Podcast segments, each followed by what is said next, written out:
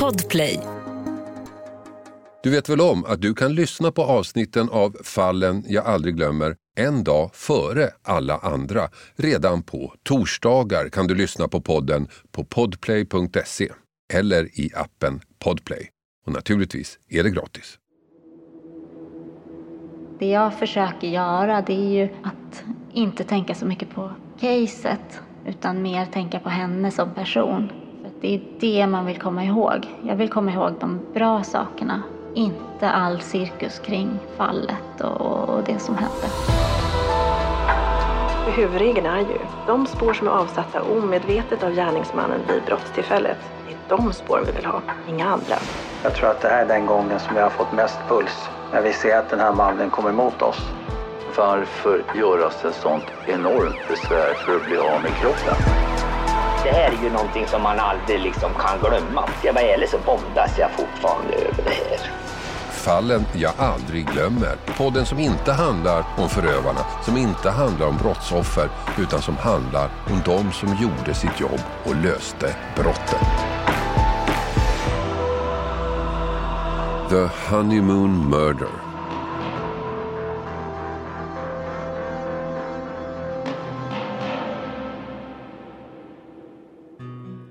Välkomna till min podd Fallen jag aldrig glömmer. Idag blir det ett litet annorlunda avsnitt. Normalt så brukar jag ju intervjua utredaren i den händelse jag tar upp den som knäckte fallet. Men idag går inte det. Dels för att utredningen sträckte sig över flera länder men framförallt för att fallet aldrig blev knäckt. Inte helt i vart fall. Det handlar om en mordutredning som jag följt i många år. 2011 träffade jag systern till offret. Idag ska vi mötas igen, tio år senare. Först såg det ut som ett rånmord i en kåkstad i Kapstaden. Något som tyvärr inte är så ovanligt. Men det blev en av de mest uppmärksammade mordutredningarna någonsin, inte bara i Sverige utan också i Sydafrika, i Indien och kanske mest i Storbritannien. En utredning som kom att utveckla sig till en maktkamp mellan två nationers rättssystem. En utredning som kom att ifrågasättas, som varade i åratal och som slutade med ett stort frågetecken. Och mitt i allt detta fanns en familj som förlorat en syster och en dotter och som bara ville en enda sak, att få veta vad det var som hände.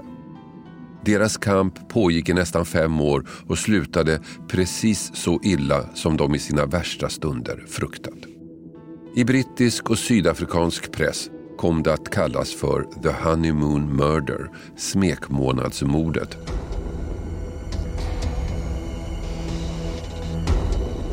Jag talar om mordet på 28-åriga Annie Devani i Kapstaden i Sydafrika den 13 november 2010. Hon var där på bröllopsresa med sin nyblivna make Shrien Devani.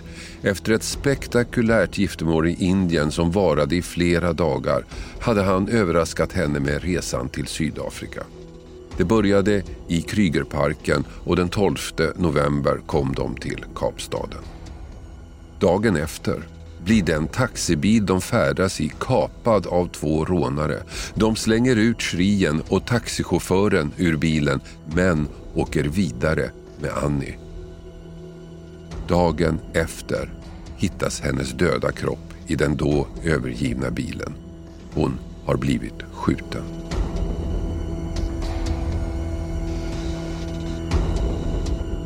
Ganska snabbt kunde polisen gripa de två rånarna och även taxiföraren Zola Tongo arresterades.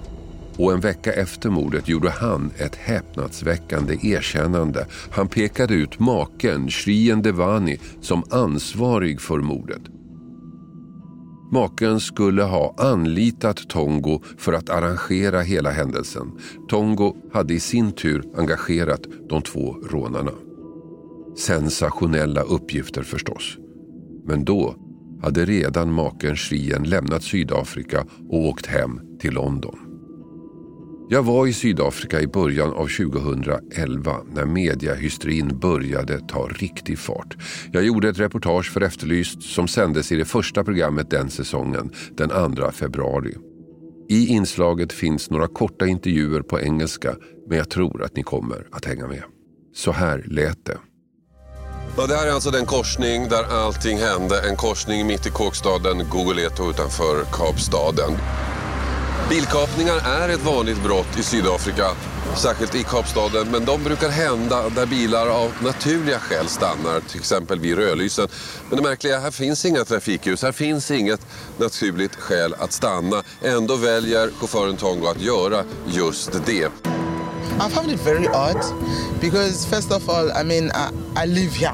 I know uh, the modus operandi of the local criminals, and if it's anything to do with the car, they wouldn't have left it here. And I mean, it's not bushy here. It's a, it's a clearing. It's a clear plot. It's somebody's plot. So obviously, from the onset, we were like, no ways. It was not a clear hijacking, as suppose some people assumed. Definitely, there was something bigger than that. Då, i början av 2011, hade Shrien Devani alltså lämnat Sydafrika. Han satt i London och vägrade återvända till Kapstaden för att förhöras av polisen. De andra tre hade pekat ut honom. Dessutom satt en fjärde person i häktet misstänkt för inblandning. Han skulle ha varit mellanhanden mellan taxichauffören Tongo och de två mördarna. I vårt program den där februarikvällen träffade jag också för första gången Annie Devanis yngre syster, Ami Denborg. För henne och resten av familjen hade kampen för rättvisa precis börjat. Så här lät det i februari 2011. Min bror ringde till mig klockan ett på natten, den natten mellan den 13 och 14 november och sa att Annie har blivit kidnappad. Vi vet ingenting mer, men Annie har blivit kidnappad. Och jag blev ganska förstörd. Jag satt upp hela natten och bara väntade på vad... Hur fick du reda på vad som hade hänt? Mm, vid åtta tiden så får jag ett samtal där, där de säger att ja, men nu har vi hittat bilen. Och eh, jag blev eh, lite lättad så, men sen så fick jag höra att Nej, vi har hittat bilen med Annies döda kropp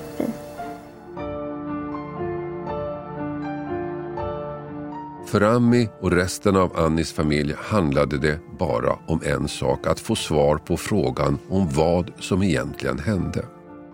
I Sydafrika dömdes de fyra misstänkta, men de hade alla fått lägre straff för att de, som det hette, samarbetat med polisen och pekat ut eller avslöjat, om man så vill, Shien Devani. Själv satt han i London och vägrade som sagt resa tillbaks till Sydafrika. Frågorna runt fallet var många.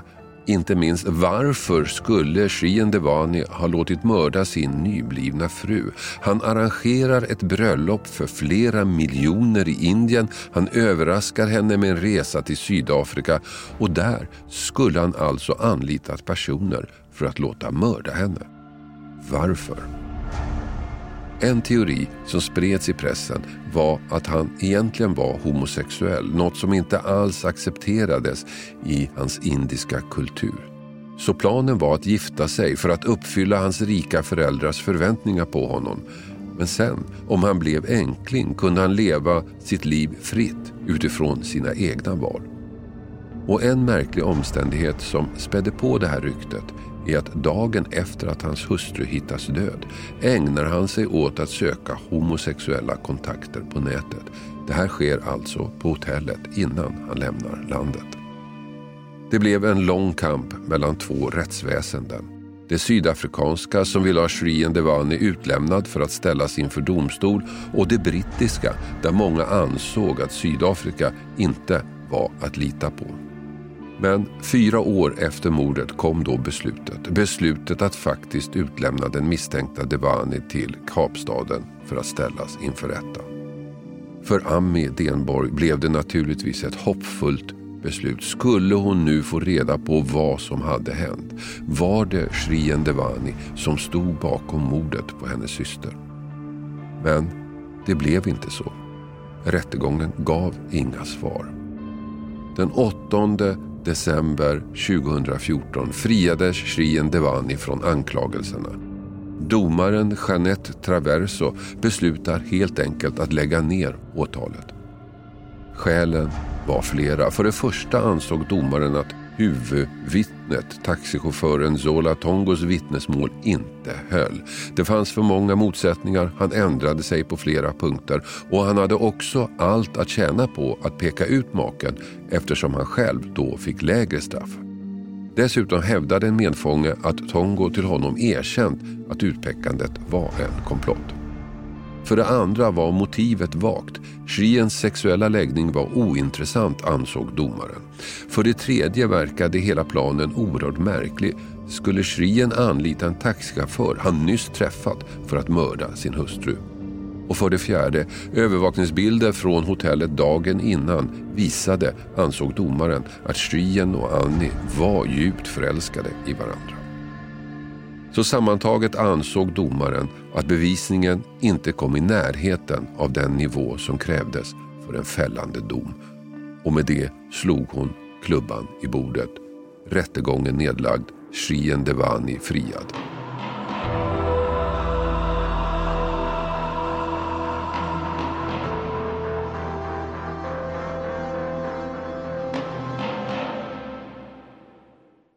Den här veckan har vi ett betalt samarbete med Tre, ni vet teleoperatören. Den jag själv har faktiskt och är väldigt nöjd med. Men det är många som tror att Tre inte har särskilt hög täckningsgrad, vilket är fel. Och så är det ju faktiskt med mycket vi tror oss veta, att det vi tror är sant kan vara falskt och det vi tror är falskt kan visa sig vara sant. Jag hade faktiskt ett telefonsamtal med en kompis för inte så länge sedan, via tre då förstås, och vi snackade om myter. Och jag tycker mig ha koll på sånt, vad som är sant och vad som är falskt. Men det är inte alltid så lätt. Till exempel berättade min kompis, ni vet om myten att svalor flyger lägre när det ska bli dåligt väder. Falskt sa jag, men det visade sig vara helt sant. Och så det här att man, om man duschar varmt på sommaren så blir man svalare. Det trodde jag inte heller på, men det visade sig också vara sant. Så det blev lite en aha-upplevelse för mig. Men så pratar vi om vår gemensamma operatör. Ja, de har ju väldigt bra täckning, sa han. Och där visste jag att han har rätt. Han visste att Tre har byggt ut och nu har väldigt stor täckning. Men det är inte alla som vet. Och ibland är det inte riktigt som man tror.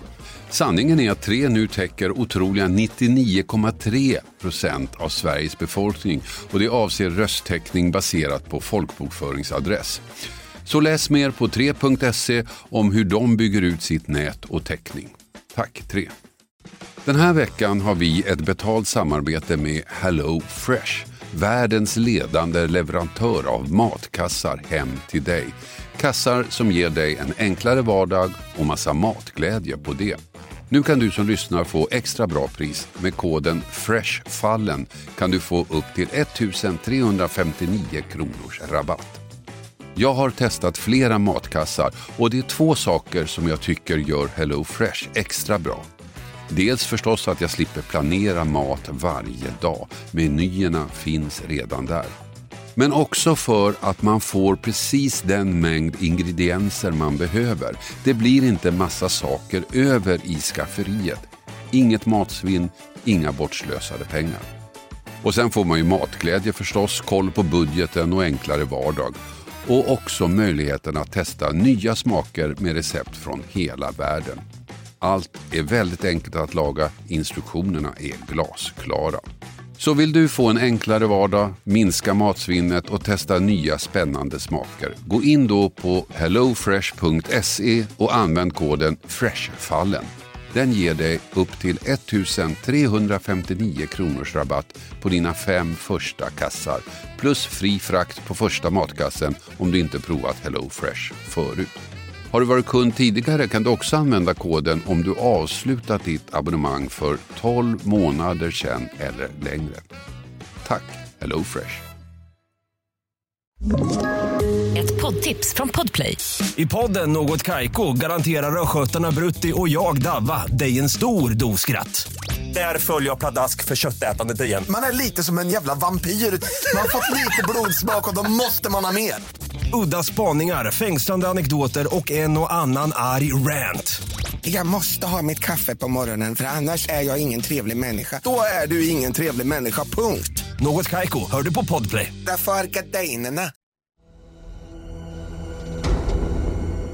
Det har nu gått sju år sedan domen och tio år sedan jag första gången träffade Ami.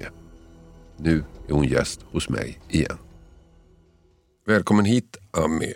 Det är tio år sedan vi träffades och det vi hörde här.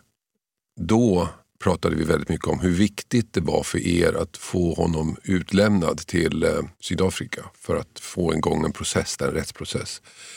Kan du berätta lite grann om vad gjorde ni för att det här skulle hända? Alltså vi kunde ju inte själva göra så mycket. Det var ju mellan sydafrikanska staten och han då, där rättsprocessen var. Eh, men Sydafrika, ja, det var ju rättegångar i England ofta. Vi var där på varenda rättegång. Någon från familjen åkte dit. Det var skytteltrafik. Eh, det hände nästan en gång i månaden då man kollade hans hälsa, eh, hur han mådde. Han hade ju då PTSD, posttraumatiskt stressyndrom. Och alla de rättegångarna var ju mycket liksom, kan han bli utlämnad nu? Nej, han mår inte tillräckligt bra.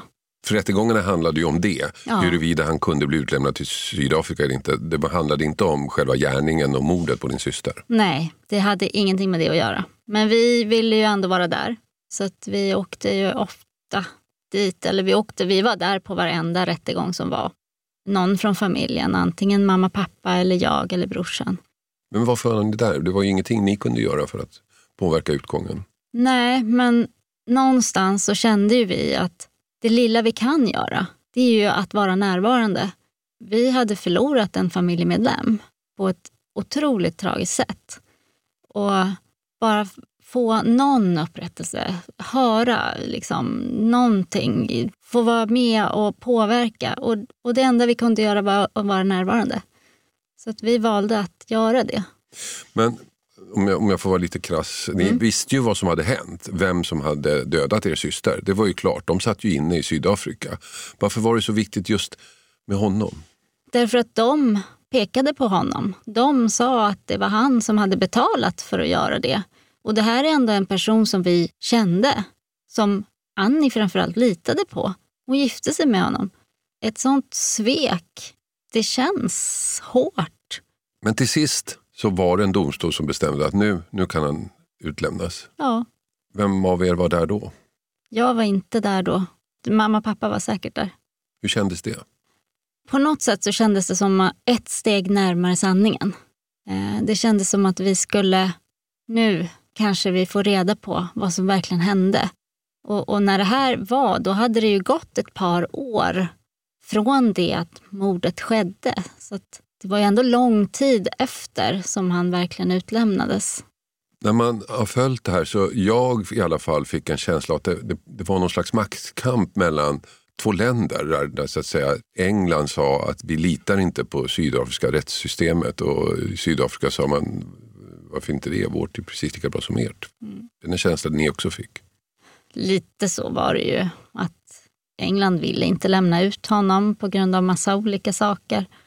Och, och Sydafrika kämpade för att få honom utlämnad. Sen får man ju inte glömma att det här fallet blev ju väldigt, väldigt mediastort. Så att jag tror att det var svårt att inte lämna ut honom. För trycket var ju liksom från alla håll egentligen. Att vad hände? Vad hände med den där tjejen? Det, det här media då, uppmärksamheten var ju någonting som ni också bidrog med. Tror du att ni någonstans ändå lyckades få honom utlämnad på grund av det? Det vet jag inte. Alltså, vi har ju känt hela tiden med media att ja, vi ställer upp därför att det enda vi vill är ju att få sanningen. Om det finns någonting som vi kan göra för att hjälpa till så gör vi det. Och det ska ju tilläggas liksom att alla intervjuer och alla, allt sånt där, vi har ju liksom inte tagit betalt för det utan vi har gjort det för att vi känner att Vi vill ha upprättelse. Vi vill inte ha någon ekonomisk kompensation. Vi vill bara veta sanningen. Som familj, som släkt så vill vi bara veta vad hände.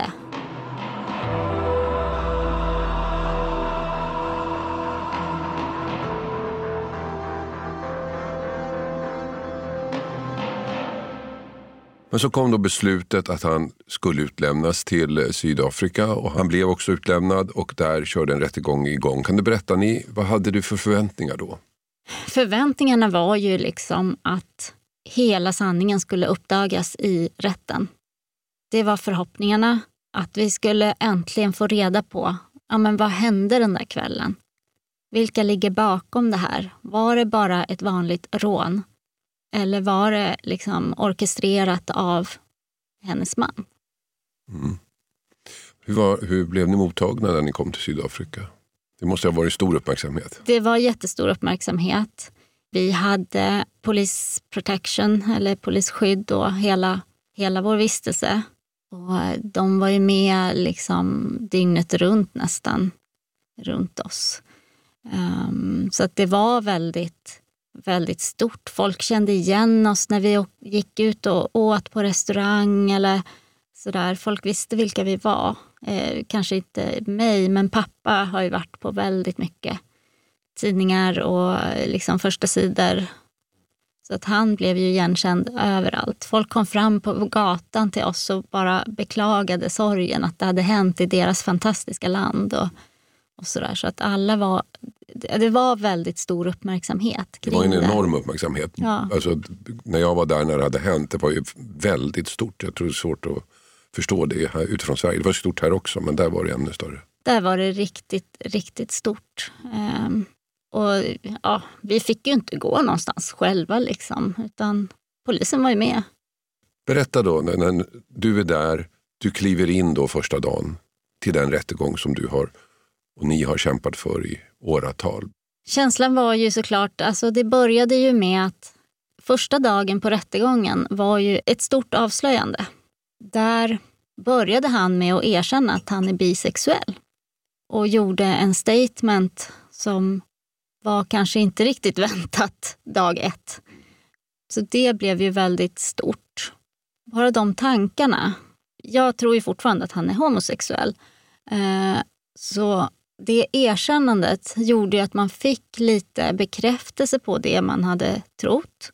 Och då började ju frågorna ännu mer kring, okej, okay, men varför gifte han sig? Mm. För just det här med hans sexuella läggning har ju varit en central punkt i misstankarna mot honom. Kan du berätta? Ja, vi kommer ju från en kultur där kanske homosexualitet inte är så öppen i den indiska kulturen. Eh, det är kanske inte accepterat och så. Så att det är ju ett motiv.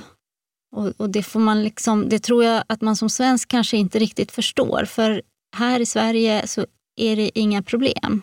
Eh, men i den indiska kulturen, framförallt man som indier bor i England, så är det, det finns inga öppna fall alls där människor som har den läggningen visar det. Men då när han erkänner att han har en, annan sexuell läggning, tänkte du att, att det blir början på ett fullständigt erkännande? Det var ju, alltså, det var ju en pusselbit som kom på plats. Men hela pusslet lades ju aldrig. Vi hade ju fortfarande förväntningar. Vi hade ju alla våra vittnen eller ja, men även de som sköt, som pekade ut honom. Det fanns väldigt mycket frågetecken. Och det finns det fortfarande, för vi fick aldrig svaren från den där rättegången.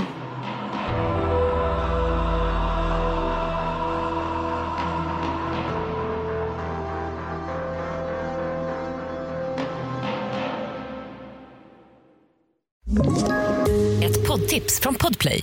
I podden Något Kaiko garanterar östgötarna Brutti och jag, Davva, dig en stor dos skratt. Där följer jag pladask för köttätandet igen. Man är lite som en jävla vampyr. Man har fått lite blodsmak och då måste man ha mer. Udda spaningar, fängslande anekdoter och en och annan arg rant. Jag måste ha mitt kaffe på morgonen för annars är jag ingen trevlig människa. Då är du ingen trevlig människa, punkt. Något kajko, hör du på podplay. Därför är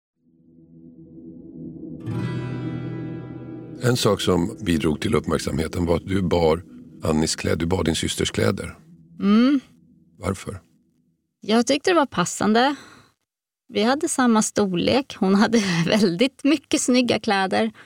Och eh, just den dagen så hade jag på mig en tröja som var Annis. Var det ett statement från din sida? Var det ett sätt att få med henne i Ja, processen? men lite så. Vi har ju alltid, på alla rättegångar vi har haft, så har vi ju haft ett kort på henne på vänster sida vid hjärtat. Eh, Alla, hela släkten som har varit med under alla vänder fram och tillbaks. För att ha henne nära. Vi har ju liksom, någonstans så var det ju lite så här, ja men det är klart jag kan ha hennes kläder liksom. Men det blev ju kanske, det fick lite motsatt effekt än vad jag hade tänkt. Hur då? Nej, men jag var inte glad över den, att det uppdagades i media. Jag tyckte liksom, men snälla kan inte jag få ha min systers kläder i fred? Liksom. Det är ändå min syster. Så att jag var jättearg efter den intervjun. Jag gjorde en intervju som handlade om någonting helt annat och sen så råkade jag säga ja och sen har jag ju Annis tröja på mig. Det var bara en, en bimening i hela den intervjun och sen var det det som var huvudrubrikerna dagen efter. Men man lär sig för varje sak man säger till media. Den här rättegången pågick länge. Ni var där varje dag. Mm. När började du känna att det här går åt fel håll? Jag tror inte vi kände det. För att vi fick, alltså, det var mycket frågetecken. Det är mycket frågetecken. Ingen hade den hela bilden. Det var väldigt många personer inblandade. Det var två som sköt, det var en mellanhand. Men någonstans, jag tyckte aldrig att jag kände att ah, men det, här, det här kommer inte... Alltså, jag, jag trodde hela tiden att man skulle få höra hans story också. Jag har hela tiden tänkt att det är inte bara våran sida som ska höras, eller våran sida, men, ja, men de som sköt och hela, alla de vittnena som, som vi hade tagit fram, liksom, eller polisen i Sydafrika hade tagit fram. För vi var ju inte inblandade någonstans egentligen, utan det var ju mellan Sydafrikanska staten och han. Eh, och de hade ju massa bevis, de hade teknisk bevisning, de hade vittnen eh, som hördes. Och vi trodde ju att när vi fick höra allting så trodde vi ju att vi kommer få höra den andra sidan också. Vi kommer få liksom hela bilden. Det var ju det som var förväntningarna och förhoppningarna under hela den här perioden. Och det var en sex veckor lång rättegång. Och vi fick höra väldigt mycket under de här sex veckorna, absolut. Men det var en stor pusselbit som saknades ur vårt perspektiv. Och det var hans sida. Han var där. Det finns så många otydligheter. Det finns fortfarande så många frågetecken. Det blev ju så att när rättegången var slut så blev fallet nedlagt, eller rättegången ogiltigförklarades helt enkelt. Mm. Så, det, så det, blev ingen, det blev ingen dom. Nej. Det blev inte så att han är oskyldig eller han är skyldig utan nej det här håller inte för ett åtal och så la man ner det. Mm. På ett sätt blev ju frågetecknen ännu fler. Ja, det kan man ju säga. För om de hade prövat allting som pekade mot honom och sagt nej, han, han har inte gjort det här. Eller om de hade kommit med no- någonting som pekade på att nej men vänta nu, det håller inte riktigt här. Han, han kan inte ha gjort det här. Hade du varit mera tillfreds då? Ja, det tror jag. Alltså, hade han förklarats oskyldig, ja absolut, då hade vi ju köpt det. Men vi ville höra hela storyn. Vi ville höra från honom också. Vi har inte fått höra ett ord från honom. Han var där den kvällen. Vad tror du? Är han skyldig? Jag kommer aldrig att säga det. Jag vet inte. Det jag vill det är ju att höra vad hände. Hur var han inblandad slash inte inblandad? Det finns frågetecken kring, kring hans statements. Han påstår att han blev utkastad genom fönstret eller han klev ut genom fönstret på en liten bil. Eh, fönstret på den där bilen går bara att öppna halvvägs. Jag tror inte att en vuxen man kan komma ut där. Eh, det finns frågetecken. Ja, det finns så många frågetecken kring olika saker som, ja, men som han har sagt eller som de som sköt har sagt. Eller, så att vi kommer ju aldrig få veta sanningen. Det finns en person som vet det.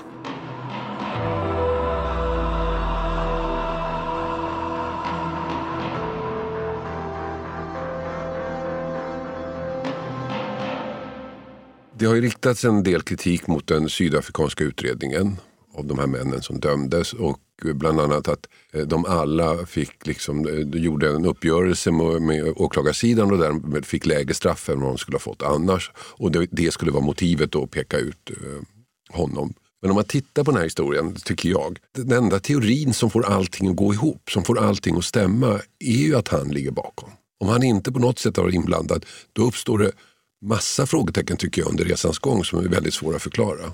Ja, är, som sagt, det är jättesvårt. Och, och, vi kan ju inte sitta här och, och anklaga honom.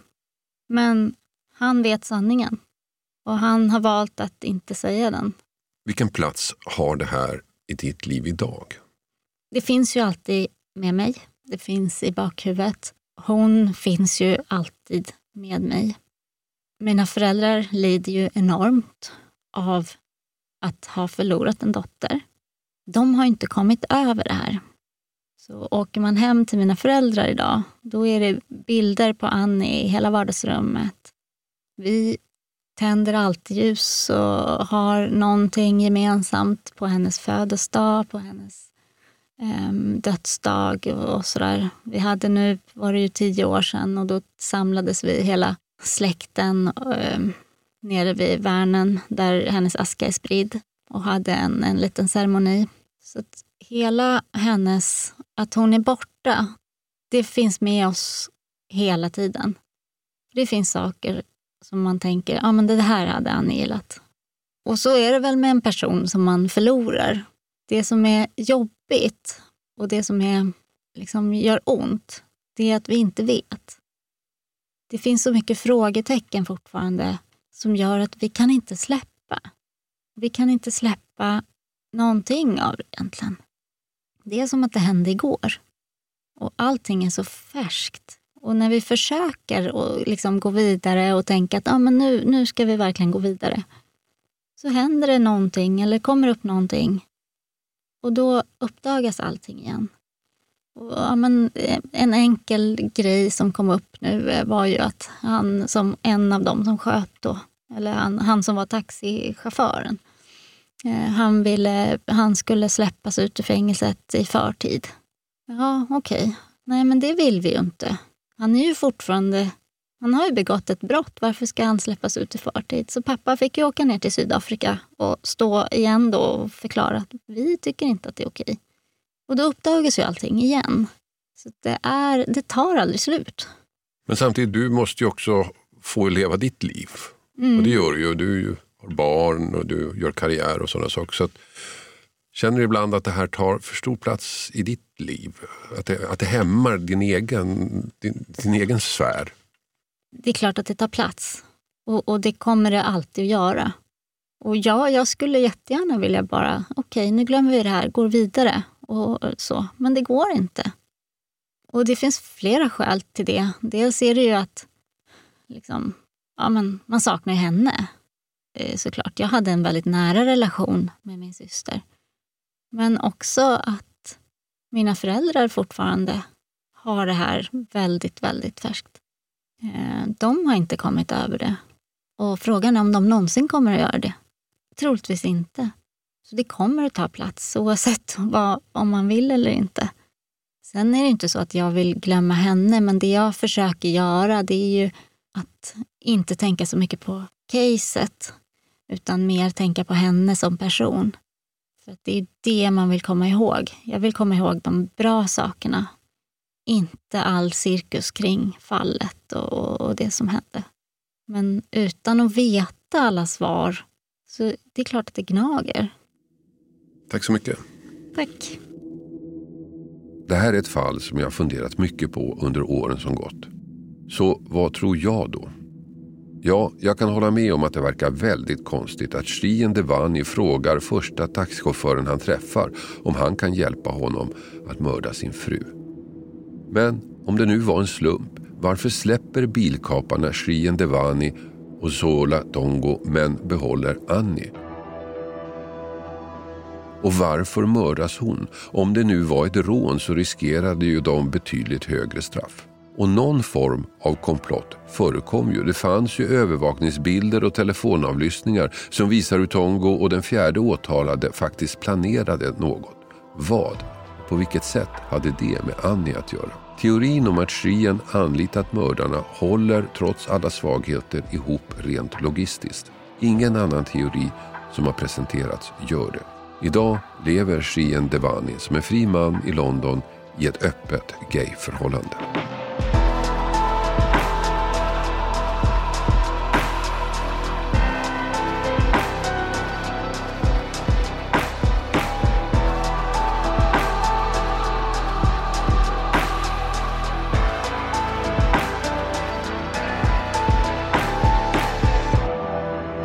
Du har hört podden Fallen jag aldrig glömmer. Klippning David Davva Persson. Och jag heter Hasse Aro. Du vet väl om att du kan lyssna på avsnitten av Fallen jag aldrig glömmer en dag före alla andra. Redan på torsdagar kan du lyssna på podden på podplay.se eller i appen Podplay. Och naturligtvis är det gratis. Podplay. Ett poddtips från Podplay. I podden Något Kaiko garanterar östgötarna Brutti och jag, Davva, dig en stor dos skratt. Där följer jag pladask för köttätandet igen. Man är lite som en jävla vampyr. Man har fått lite blodsmak och då måste man ha mer. Udda spaningar, fängslande anekdoter och en och annan arg rant. Jag måste ha mitt kaffe på morgonen för annars är jag ingen trevlig människa. Då är du ingen trevlig människa, punkt. Något Kaiko, hör du på Podplay. Därför arkadeinerna.